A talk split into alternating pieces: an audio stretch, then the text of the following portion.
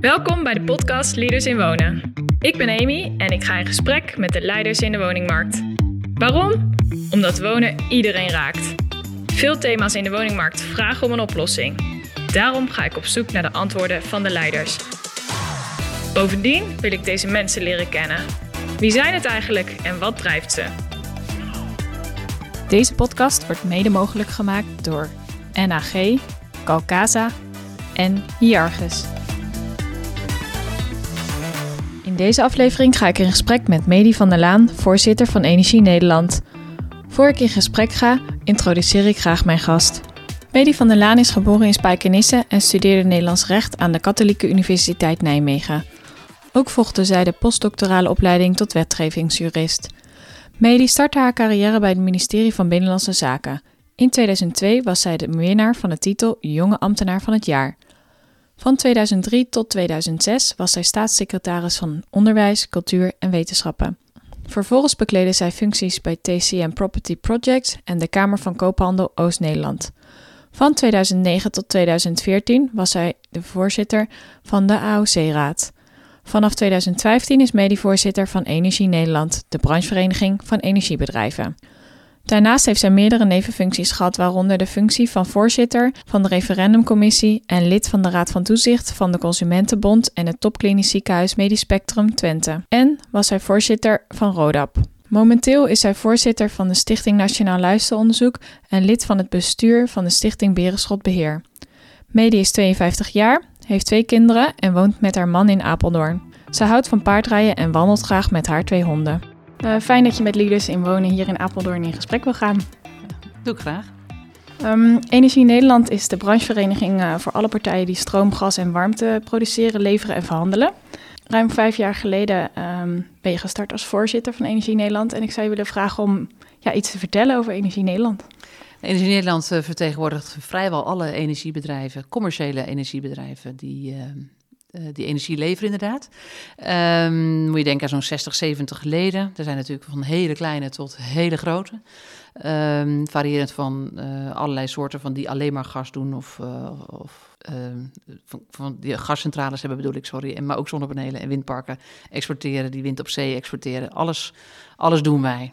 Heel duurzaam. Uh, het hele duurzame, moet je voorstellen dat alle duurzame productie in Nederland eigenlijk zo'n 60, 70 procent van, onze, uh, van onze, onze leden produceren alles wat duurzaam is. En ik zag ook dat jullie ja, 60 leden ongeveer hebben ja. en dat er ook veel innovatieve partijen bij zitten. Zou, zou je iets kunnen vertellen over, over dat soort partijen? Ja, wat je nu ziet is dat het, uh, als je kijkt naar vijf jaar geleden, toen waren meer de traditionele bedrijven, productiebedrijven bij ons lid en de retailbedrijven uh, waren ook lid, of zijn ook nog steeds lid.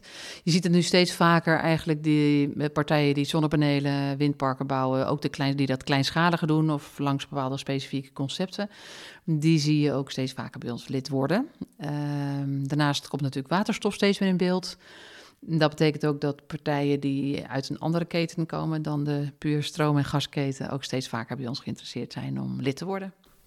En uh, kan je nog iets meer vertellen over uh, ja, de rol die leden dan hebben? Um... Ja, een brancheorganisatie uh, is natuurlijk een, een, vereniging waarbij de leden bepalen wat de strategie wordt. ik ben daar nu onafhankelijk voorzitter van, bijna zes jaar.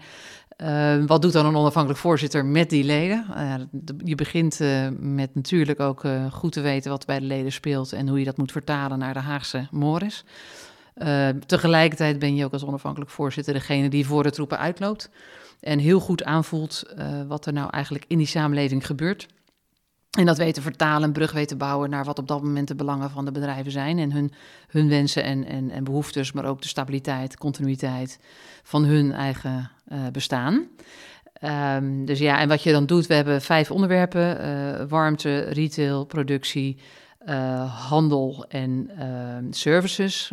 services moet je nadenken aan complete duurzame energiesystemen die op een locatie bijvoorbeeld worden gedaan. Um, ja, en die vijf pijlers zitten er onder onze vereniging. En als je lid bent, kun je of van één pijler lid zijn, of je bent van alle pijlers lid. Je bent gewoon op basis van wat je aan omzet doet, uh, kun je, ben je bij ons lid. En daar zijn zo partijen ook contributies. Kleinere partijen betalen lagere contributies en grotere natuurlijk de grote uh, veel contributie. En we zijn vooral een lobbyorganisatie. We hebben geen servicefunctie. Veel brancheorganisaties hebben ook een servicefunctie. Die hebben wij niet. Uh, is ook moeilijker bij ons, omdat we ja, gewoon flink concurrerende bedrijven hebben die bij ons lid zijn betekent ook dat wij bijvoorbeeld technologie-neutraal zijn. Uh, wij spreken geen voorkeur uit voor een bepaalde technologie. Uh, omdat dat dus van invloed kan zijn op het concurrentievermogen van onze verschillende leden. Dus als wij ons pro een bepaalde technologie, die, door de ene paar leden aan de ene kant vooral worden gedaan en dan tegen een technologie aan de andere kant zouden zijn of niet voor.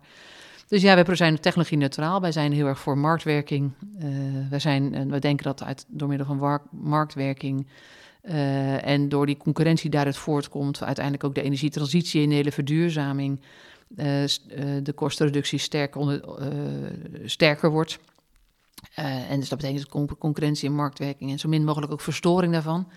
Dus wij zijn best voorstander van subsidies daar waar die markt even moeite heeft om de drempel over te komen. Maar we zijn uiteindelijk ook altijd voor het weer afschaffen ervan wij worden graag met een paar subsidies volwassen gemaakt. En althans geholpen, omdat ja, als we geen geld meer kunnen verdienen, dan lukt het gewoon niet.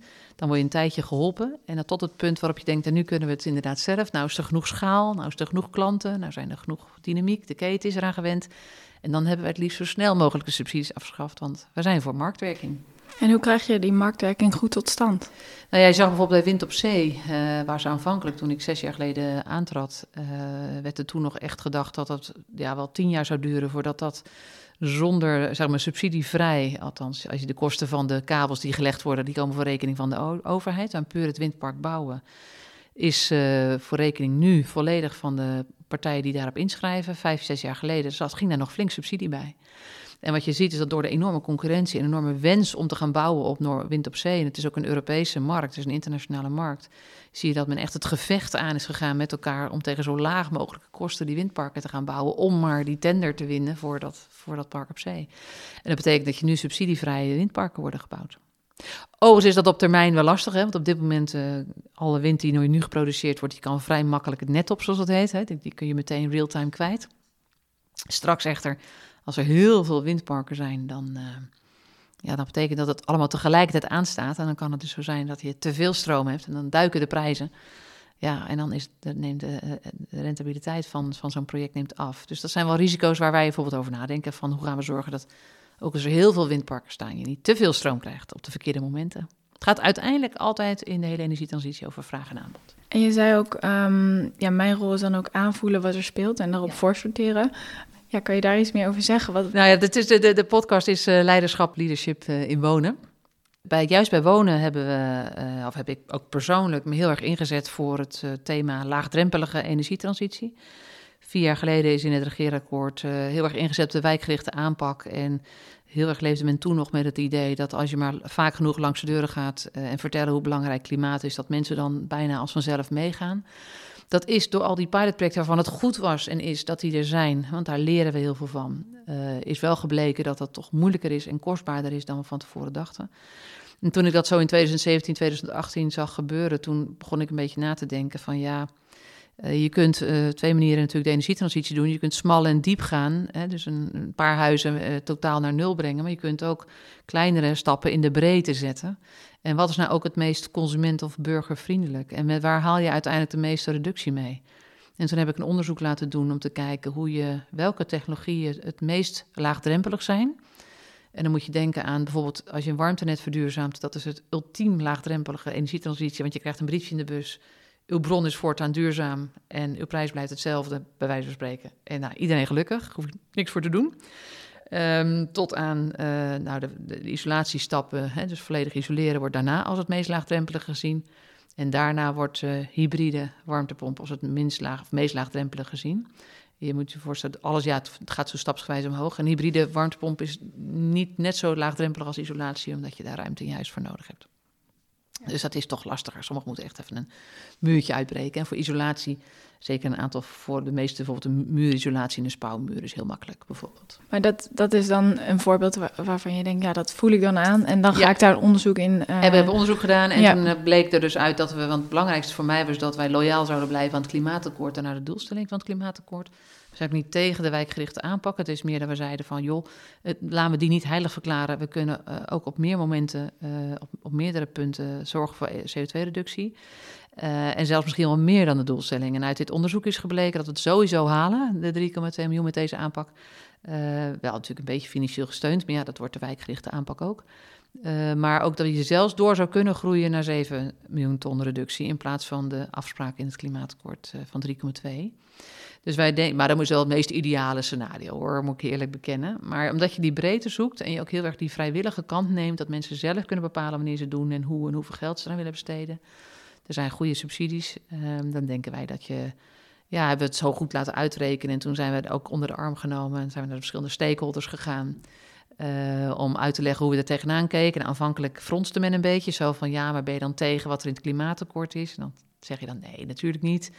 Maar het gaat eigenlijk, het is een fallback-positie. Enerzijds als het niet lukt. En anderzijds is, en als het allemaal wel lukt, geweldig. En dan hebben wij nog een extra pakket waarin je nog een extra reductie kan realiseren.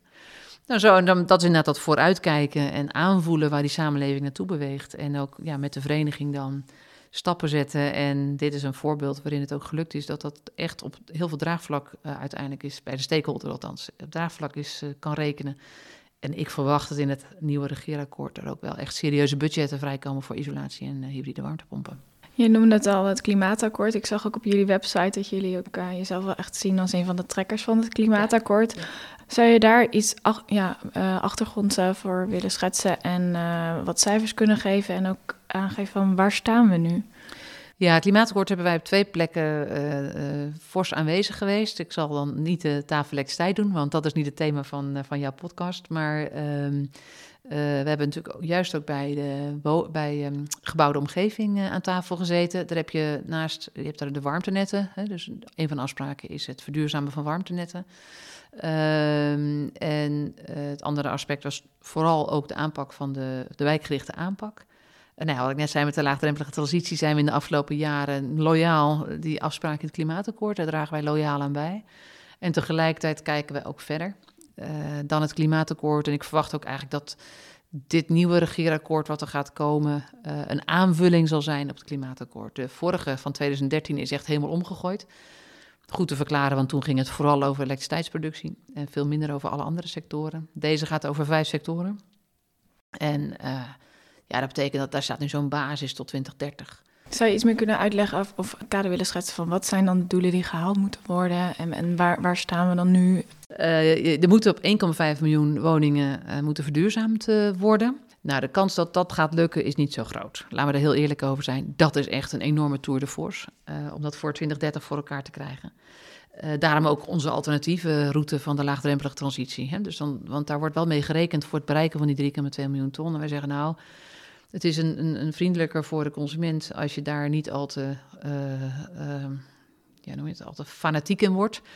Um, je moet hard, hard doorgaan, heel hard doorgaan, maar we zijn nog zo ongelooflijk aan het leren. Uh, ga niet de 1,5 miljoen heilig verklaren, maar verklaar uiteindelijk de CO2-reductie heilig.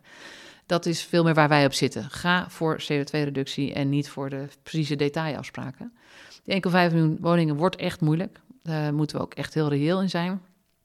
Daarom hebben we ook het komende regeerakkoord heel hard nodig, omdat er gewoon extra maatregelen nodig zijn. Uit het PBL blijkt dat uh, de huidige maatregelen met de huidige budgetten die er het afgelopen regeerakkoord waren, gewoon onvoldoende waren, ontoereikend waren. Dus het is ook allemaal, ja, we weten nu allemaal dat het duurder en moeilijker is. Duurder uh, in de zin van dat ook elk huis heel erg anders is. Dus iedereen roept, ja, het kost 60.000 euro per huis. Ja, voor sommige huizen is dat zo. Andere huizen is 20.000 euro heeft ongeveer in ieder geval een belangrijke mate met het bouwjaar van het huis te maken. Uh, dus ja, het is gewoon. De hele woonsector is eigenlijk de grote verduurzamingsopgave. Zit natuurlijk niet bij nieuwbouw, die zitten allemaal bij oudbouw. En je hebt verschillende categorieën woningen. Uh, en wat we eigenlijk nog allemaal aan het ontdekken zijn, is wat je allemaal kan met al die verschillende woningen. En dan hebben we het over homogene wijken, je hebt het over heterogene wijken. Je hebt het over wijken waar een hoog aandeel woningbouwcorporaties uh, woningen zijn. Maar er staan er ook nog een paar straten met gewoon uh, koopwoningen tussen of met particuliere huurwoningen tussen. Nou, kortom, hoe ga je met die enorme diversiteit om? Wat doe je met stedelijk gebied? Wat doe je in niet-stedelijk gebied? Uh, bij, wat laat je over aan individuele, individueel gemotiveerde mensen? wanneer dwing je het af? Een van de nieuwe inzichten van de afgelopen 1, 2 jaar is eigenlijk dat voor het laten vrijwillig laten bewegen van consumenten om iets te gaan doen, heel erg belangrijk is dat ze zeker weten dat de eerstkomende tien jaar ze niet iets opgelegd krijgen. Dus stel dat het maar de hele tijd in de lucht hangt hier of een warmtenet krijgen hier in Apeldoorn. Ja, dan ga ik gewoon geen hybride warmtepomp kopen. Want het kan zijn dat ik daar heel veel geld uitgegeven straks. En dan twee jaar later een briefje in de bus krijg. Sorry, het wordt een warmtenet. Um, nou, dat zijn allemaal van die dilemma's in de energietransitie. Uh, waar we eigenlijk de afgelopen jaren achter zijn gekomen. Aldoende leert men. Dat is echt heel erg van toepassing op uh, de energietransitie in de gebouwde omgeving. Dus als je praat over de wonen kant, dan praat je eigenlijk veel meer over het, eh, inrichten van prikkels voor de burger. En dan had ik het net over uh, laagdrempelig. Nou, daar moet natuurlijk gewoon geld bij. Daar zijn wij heel eerlijk over. Iedereen die roept het moet woonlastenneutraal. Dat is een beetje een politieke positie die nou, volgens mij unaniem in de, in de Tweede Kamer wordt ingenomen. Wij hebben al, klinkt zo raar, maar echt al afgelopen jaren steeds herhaaldelijk gezegd... Als je dat wilt, moet de overheid daar geld bij leggen. Heb niet de illusie dat de technologie zo ver is voortgeschreden de komende jaren dat dat technologie althans voor iedereen, uh, woonlastenneutraal is. En ook dat verschilt weer per woning. Uh, nog los van het feit dat mensen zo 10, 20.000 euro moeten neerleggen. En die moeten ze ook maar zomaar ergens vandaan zien te halen. Dus wij zeggen nou bijvoorbeeld, zo bijvoorbeeld zo'n thema als woonlastenneutraliteit. Uh, dat maakt dat mensen niet gaan investeren. op mensen denken dat het duurder is om te investeren uh, in hun woning te investeren dan dat ze er ooit nog gaan terugverdienen. Nou, dat is, wij denken zelf op basis van het laagdrempelige transitierapport tot uh, niveau C, tot labelniveau C, in de, in de oude situatie nog, de labelstappen, is het doorgaans gemiddeld genomen rendabel om maatregelen te treffen. Als je echt naar, naar, naar label A gaat, dat is nog, echt nog geen nul op de meter, dat is echt gewoon label A, dan is het niet rendabel uh, voor het gemiddelde woning. Dus uh, voor de gemiddelde woning die niet al te jong is. Nou, zo zit je gewoon heel erg te zoeken naar, ja, hoe krijg je nou die prikkels dat consumenten gaan bewegen? Nou, wij, zetten, wij stellen ons ook op standpunt, als je woonlasten neutraal wil zijn, dan zul je of iets aan de energiebelastingen moeten doen, want die rekening moet omlaag. Of je moet er subsidies bij leggen, maar de overheid betaalt de rekening van het politieke standpunt woonlastenneutraal. Dus wij hebben eigenlijk altijd gezegd van, nou, Doe dat nou niet. Ga nou gewoon ook aan de burger rustig vertellen dat het helaas zo is dat energie duurder gaat worden. Je kunt de principiële of de morele of de filosofische vraag stellen. Uh, hoe duur mag energie zijn? Uh, en dat is voor lage inkomens een hele andere, en geeft dat een heel ander antwoord dan voor hoge inkomens. Hoge inkomens kunnen prima best een flinke energierekening aan, en lage inkomens niet. Dus dat heeft direct met inkomenspolitiek te maken, hoe je aankijkt tegen de ontwikkelingen en de financiering van de energietransitie. Daar wonen de, de mensen met lage inkomens doorgaans in, in, uh, woning, in huurwoningen en woningbouwcorporatiewoningen. Maar dan zie je ook dat op het moment dat de woningbouwcorporatie in die woningen grootschalig gaat investeren, toch de huur omhoog gaat. Maar tegelijkertijd gaat hun energierekening omlaag van die mensen. Maar dat is dan in een aantal gevallen inderdaad neutraal, maar in een aantal gevallen ook niet. Nou, dat zijn allemaal dilemma's die we de komende jaren moeten gaan oplossen. Um, en voor de particuliere woningeigenaren moet je ook echt gaan denken aan normeren. Op termijn, tijdig aangekondigd. Dus stel dat je dit regeerakkoord zegt, vanaf 2028 moet iedereen na zijn verhuizing, uh, of tijdens of hè, in, de, in, in, de, periode van een verhuizing, of, heb ik het over particuliere woningeigenaren, moeten hun uh, woning terugbrengen naar label C als de woning betreft vanaf de jaren 50. Ik nog altijd, het moet wel reëel zijn. En ja, een woning uit 1900 is best moeilijk naar label C te krijgen. Um, staan label A, dan moet je helemaal meteen een ton meenemen. Maar goed, dat kun je meenemen. Je kan zeggen, ik kondig dat aan. En dan krijg je een werking van de, van de huizenmarkt. Dan worden huizen met uh, slechte labels gewoon, uh, of met goede labels, ik positief zeg, met goede labels brengen meer op. En dat is dan ook de meerwaarde die je hebt. En dus kan het zijn dat iemand in 2026 zegt, nou, ik wil eigenlijk wel gaan verhuizen over een tijdje. Uh, en als ik nu 30.000 euro investeer, kan ik straks 40.000 euro meer van mijn huis vangen. Dus laat ik het maar doen. Nou, dat is eigenlijk ook een, een, opvatting die we hebben van joh, durf nou eens als politiek na te denken over normering. Doe dat niet op de korte termijn. Dat werkt niet, kun je mensen niet aandoen. Maar stel dat je tien jaar neemt, hè, zoals er ook in 2011 of 12, wil ik even vanaf zijn, is um, besloten dat um, mensen in 2031 uh, geen hypotheekrenteaftrek meer hebben na dat moment, als ze op dat moment een 30-jarige hypotheek hebben. Dat is ook dus 20 jaar van tevoren aangekondigd. Niemand denkt eraan. Heel veel mensen, met name bij, daarom zat er op dit moment het oversluiten, uh, zo'n thema is. Hè, dat je zegt van aflossingsvrij wonen, dat is leuk. Maar in 2031 heb je dan echt een probleem. Want dat moet je weer opnieuw financieren. Je krijgt geen aftrek en stelt de rente dan weer hoog is. nou, dat geldt dus ook voor dit soort dingen. Je moet eigenlijk die normering heel ver in de tijd leggen, zodat mensen zich er goed op voor kunnen bereiden.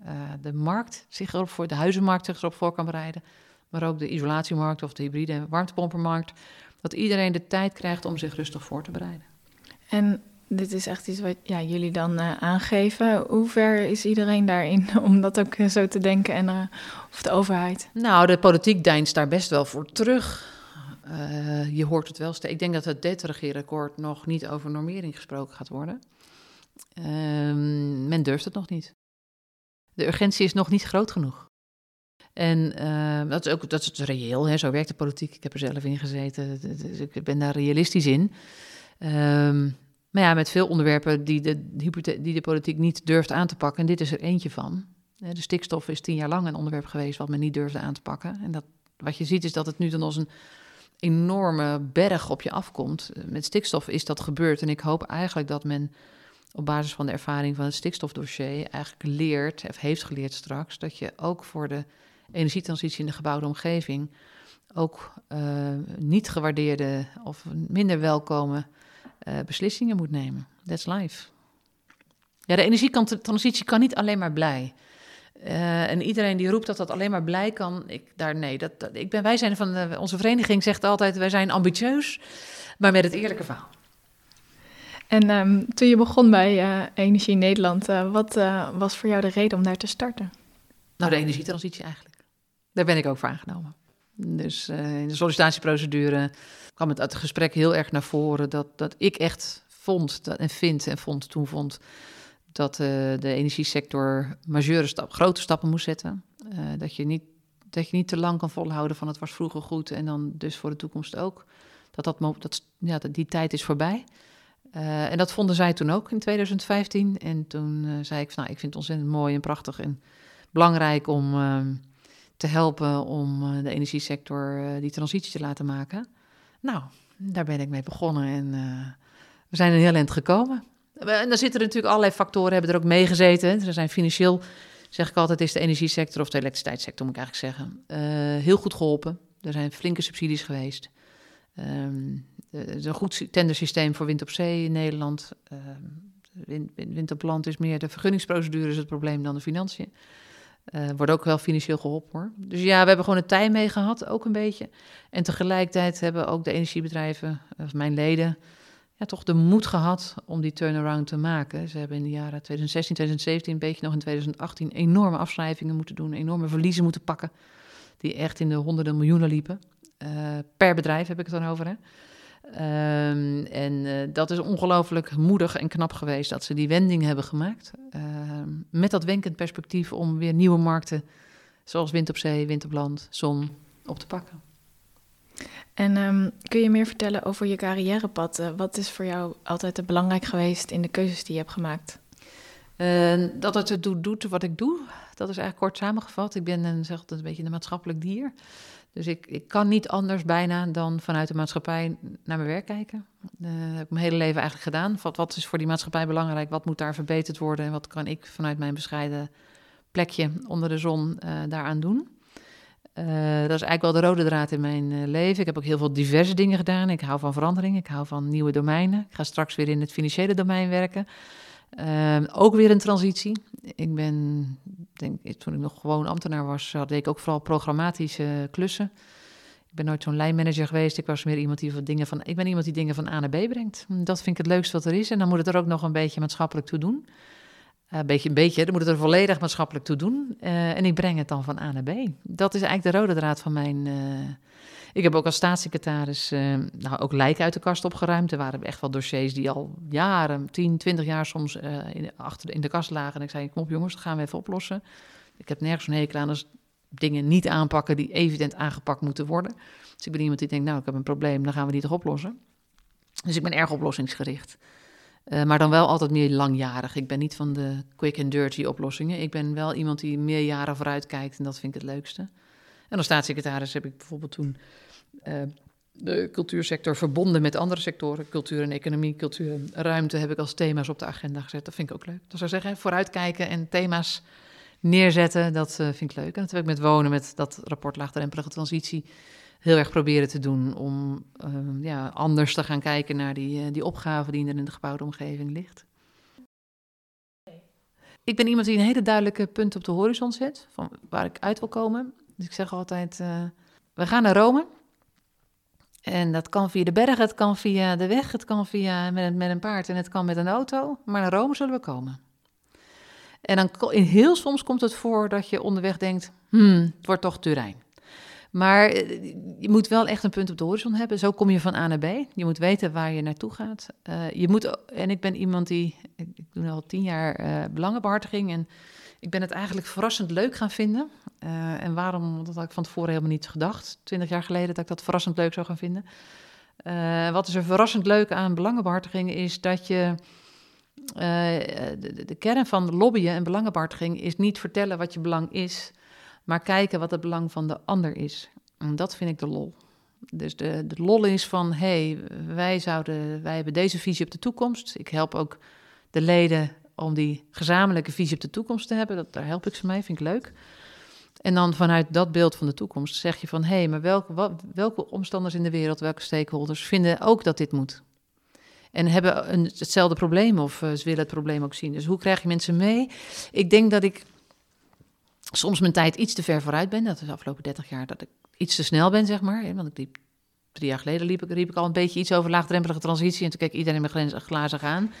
En dan voel je dat die tijd rijp wordt en dan, uh, dan sla je toe, zeg maar. En, uh, en zo kom je van A naar B door heel goed aan te voelen wat er leeft.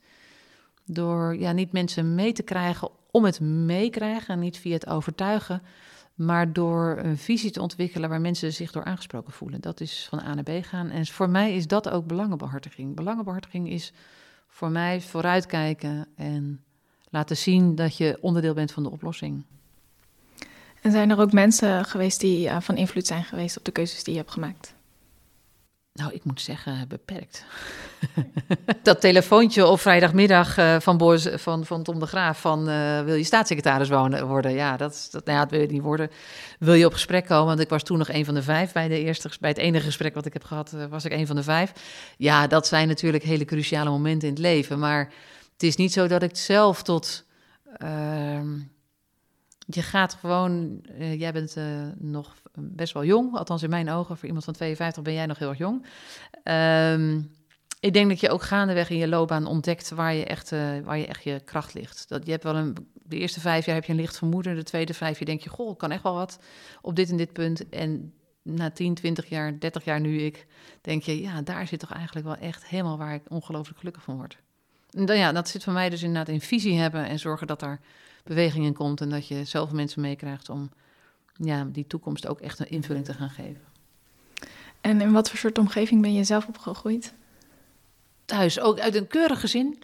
Mijn vader was douaneambtenaar, uh, mijn moeder was huisvrouw. Uh, uh, in, in Spijkenisse geboren, in Ridderkerk opgegroeid. Om mijn zestiende naar Zevenaar gegaan, naar Gelderland. Mijn vader werd hoofd van de post Lobit. Toen daar nog een grensovergang verboden was. Um, en um, heel gewoon gezin. Uh, en een prima jeugd gehad. Om 16 naar 7 was een, vond ik heel fijn. Ik woon nu weer in Gelderland, een tijdje in de Randstad gewoond. Maar uiteindelijk toch terug naar Gelderland. In het uh, prachtige Veluwe wonen we nu. Dat is heerlijk. En wat is de invloed geweest van, uh, van je opvoeding op de keuzes die je hebt gemaakt? Um, nou, ik heb er wel dus uh, puur 100% Holle, uh, Rotterdams bloed in mijn uh, aderen stromen. Dus dat betekent dat ik wel een beetje direct ben. En what you see is what you get. En niet zeuren, maar poetsen. Dat is wel wat ik echt heb meegekregen. Niet, niet de hele tijd lopen zeuren, maar poetsen. Ik bedoel, los het op als je een probleem hebt. Dat is denk ik wat ik heel erg meegenomen heb. Eerlijkheid heb ik heel erg meegekregen van mijn opvoeding. Uh, mijn ouders, als, als je, daar liegen kwam gewoon niet in je op, want dan, nou, dan waren ze zo teleurgesteld. dus dat heb ik eigenlijk ook nooit gedaan. Uh, en ik kan nog steeds niet goed liegen. Uh, dus ja, dat, dat, is denk ik een hele belangrijke normen. Eerlijk zijn. Uh, ook denken aan de zwakker in de samenleving. Niet alleen maar vanuit je eigen perspectief denken, maar nadrukkelijk ook vanuit de andermans perspectief kunnen denken. En daar reken, ook met rekening willen houden. Ja, denken we dat dat een beetje de rode draad is van mijn jeugd. Dan zou ik nog um, um, willen vragen over de verduurzaming in de gebouwde omgeving. Jullie zijn ook uh, betrokken bij uh, Actieagenda Wonen. Ja. Um, zou je daar nog iets over kunnen vertellen, over de achtergrond daarvan en jullie rol daarin? Ja, nou, we hebben het initiatief is van Martin van Rijn, voorzitter van uh, EDES. Um, ja, wij vonden het een heel goed initiatief. A, de woningmarkt, maar dan kijk, doe ik even de pet af van voorzitter Energie Nederland. Gewoon als belangstellende, maatschappelijk geëngageerde burger, vind ik gewoon dat daar al wel, ook weer hier veel eerder uh, stappen hadden moeten worden gezet. Men veel te laat heeft ingegrepen. Uh, of men moet nu eindelijk echt gaan ingrijpen.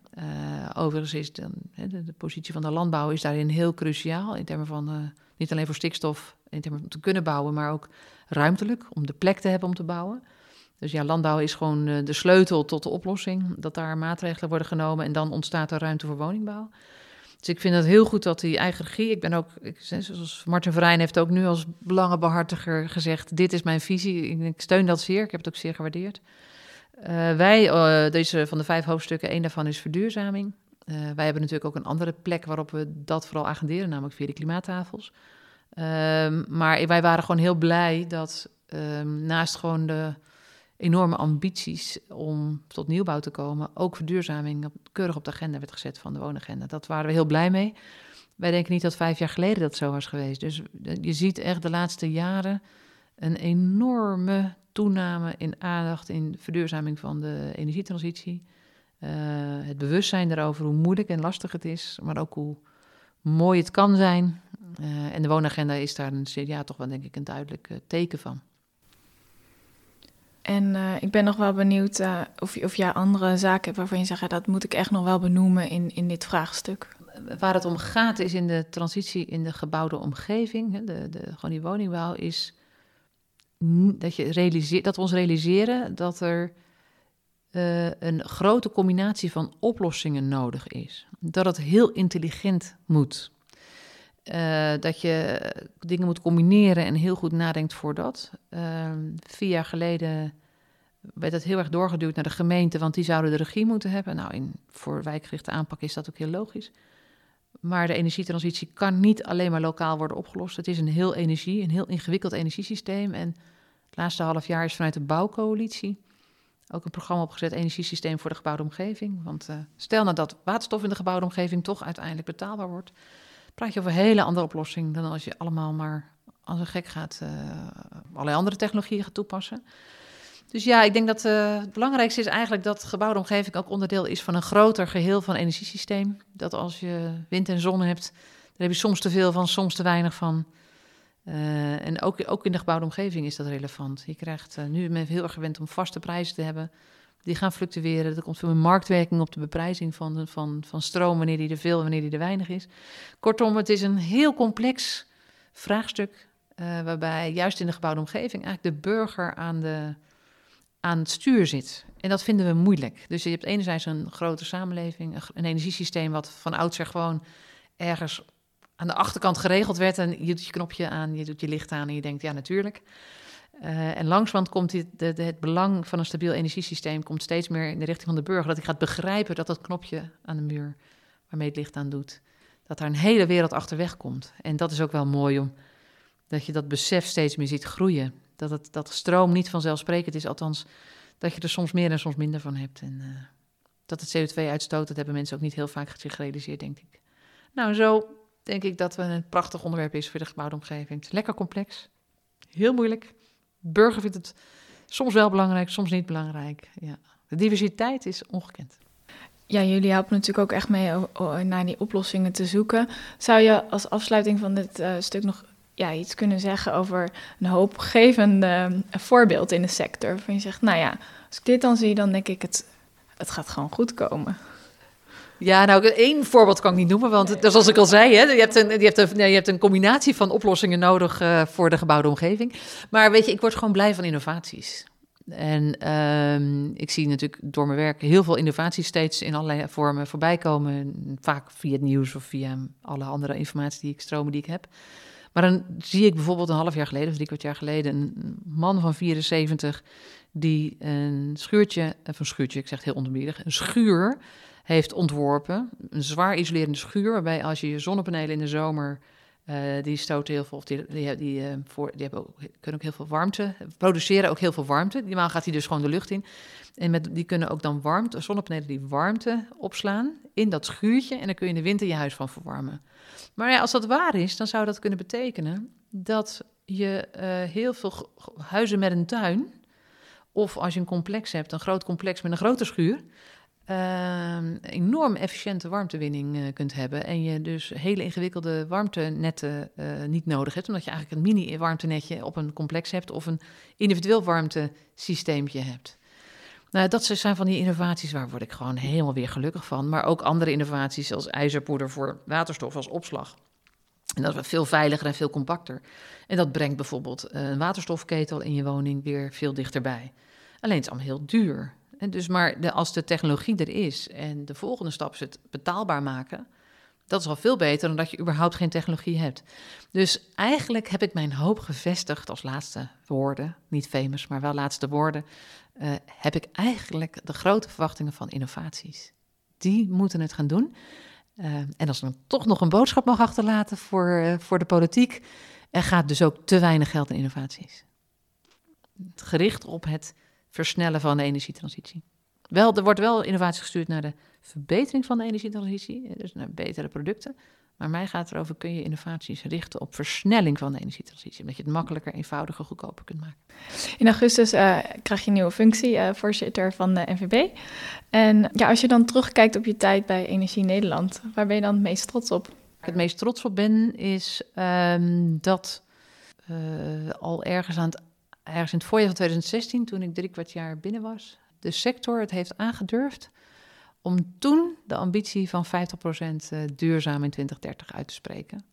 Uh, toen was op Europees niveau het nog 40% en wij voegden ons bij het Europees niveau. En toen heeft die sector, hebben mijn leden het aangedurfd in onzekere tijden toch die ambitie uit te spreken. En daar was ik gewoon heel blij mee. Dat is ook enorme versnelling ook en het heeft onze positie om aan tafel te zitten overal met het goede verhaal, heeft enorm geholpen. En het tweede waar ik een beetje trots op ben, is wel toch wel de laagdrempelige transitie. Dat rapport, daar ben ik ook een beetje trots op. En um, heb je nog tips voor mensen die willen bereiken wat jij bereikt hebt? Uh, oh jee. uh, nou, misschien dat wil ik gewoon anders benaderen. Um, als je iets wil bereiken, zorg dat het bij je past. Dat is eigenlijk het enige waar het over gaat. Ontdek wat het best bij je past en bepaal wat je daarmee wil bereiken. En uh, iets bereiken wat niet bij je past voor status of aanzien of wat dan ook. Daar gaat het helemaal niet om. Je moet gewoon heel erg gelukkig worden. zeg ik ook tegen mijn kinderen. Het maakt me niet uit wat ze worden, als ze maar gelukkig worden met wat ze doen. En zijn er mensen of boeken in het bijzonder die jou geïnspireerd hebben? Nou, er is één boek wat mij in altijd, uh, waar ik heel vaak nog naar refereer. Dat is uh, Zwarte met het Witte Hart van uh, Arthur Chapin. Dat gaat over een waar gebeurd verhaal van twee neger jongetjes uit Afrika die cadeau worden gedaan van een koning, twee konings- of een stamhoofdenzonen, of koningszonen heet het daar. Die worden cadeau gedaan aan het eh, Koningshuis hier in Nederland. Het speelt zich af ergens eind vorig, eind, even uit mijn hoofd, eind 19e eeuw, begin 20e eeuw, even uit mijn hoofd. Uh, in ieder geval lang geleden, toen dat nog werd gedaan. Um, en dan zie je dat er twee, het zijn twee broertjes en de ene broertje die weet zich ongelooflijk goed aan te passen. En gaat ook redelijk zijn leven door daar in Nederland. Ze gaan uiteindelijk nooit meer terug. En één die, um, of dan de ene gaat wel terug, maar het is al lang geleden dat boek heb gelezen.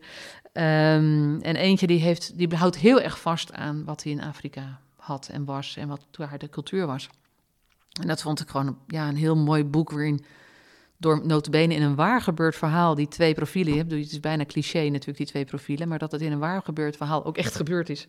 Dat het zo aantoonbaar is van dat je, dat je twee wegen kunt bewandelen. Je kunt heel erg vasthouden aan jezelf. En dat is in sommige gevallen moet je dat ook echt doen. En je kunt enorm meebewegen. En in sommige gevallen moet je dat ook echt doen. En dat er wat voor mij dan ook eigenlijk geen goed of fout is, maar wel dat je dus twee keuzes, er twee keuzes zijn. En uh, want degene die wilde vasthouden aan wie hij was, had nooit gelukkig kunnen, was, was nooit gelukkig geweest als hij zich had aangepast. En andersom. Dus het is een keuze en doe vooral dat waarbij je past. En wil ik nog weten, hoe organiseer je de verhouding werk-privé um, op de manier dat het ook voor iedereen werkt thuis?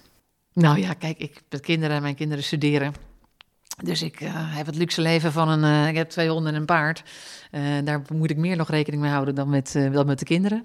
en ehm, dit is overigens een voorzitter van Energie Nederland. is een parttime baan. Dus dat is heel, ik vind dat heel luxe. ik doe daarnaast nog een mandje met andere toezichtsfuncties of voorzittersfuncties. Dus ik heb een heel flexibel, lenig leven. En dat vind ik heel fijn. Dus het plooit zich altijd wel bij mij. Ik kan, uh, maar ik sta ook 24-7 klaar, want het is ook heel onvoorspelbaar, mijn leven. Maar ik vind het juist heerlijk dat mijn week elke week weer anders uitziet. Daar geniet ik nog elke dag van. En hoe deed je dat vroeger, toen de kinderen nog wel klein waren? En toen ik staatssecretaris was, is mijn man eigenlijk heeft toen relatief weinig gewerkt. Um, en we hebben het eigenlijk altijd samen verdeeld. De kinderen hebben periodes gehad dat er vier dagen opvang was oppas aan huis. Dat helpt ook enorm als je drukke banen hebt. Uh, dus uh, ja, we hadden echt een nanny-systeem. we hadden daar ook geld voor over, moet ik zeggen. Dus ehm, we vonden dat belangrijk om dat goed voor de kinderen te regelen. Ze thuis tussen de middag een boterhammetje kwamen eten en vriendjes konden meenemen. Dus dat hebben we allemaal zo geregeld. Dus dat was een rustig gevoel. En hoe zorg je dat je zelf mentaal en fysiek fit blijft? Nou, ik heb mijn honden en ik heb mijn paard. daarnaast ben ik van nature een blij mens. Dus ik denk dat ik doen wat je leuk vindt, uh, uh, wat bij je past. Uh, dat moet je natuurlijk. En paardrijden en mijn. ik heb een eigen paard, dus ik kan paardrijden wanneer ik wil. En mijn twee honden zijn wel mijn grootste hobby's. Naast dat ik een leuke man heb en twee leuke kinderen. Ik zou je willen vragen om de volgende zin af te maken: Wonen is.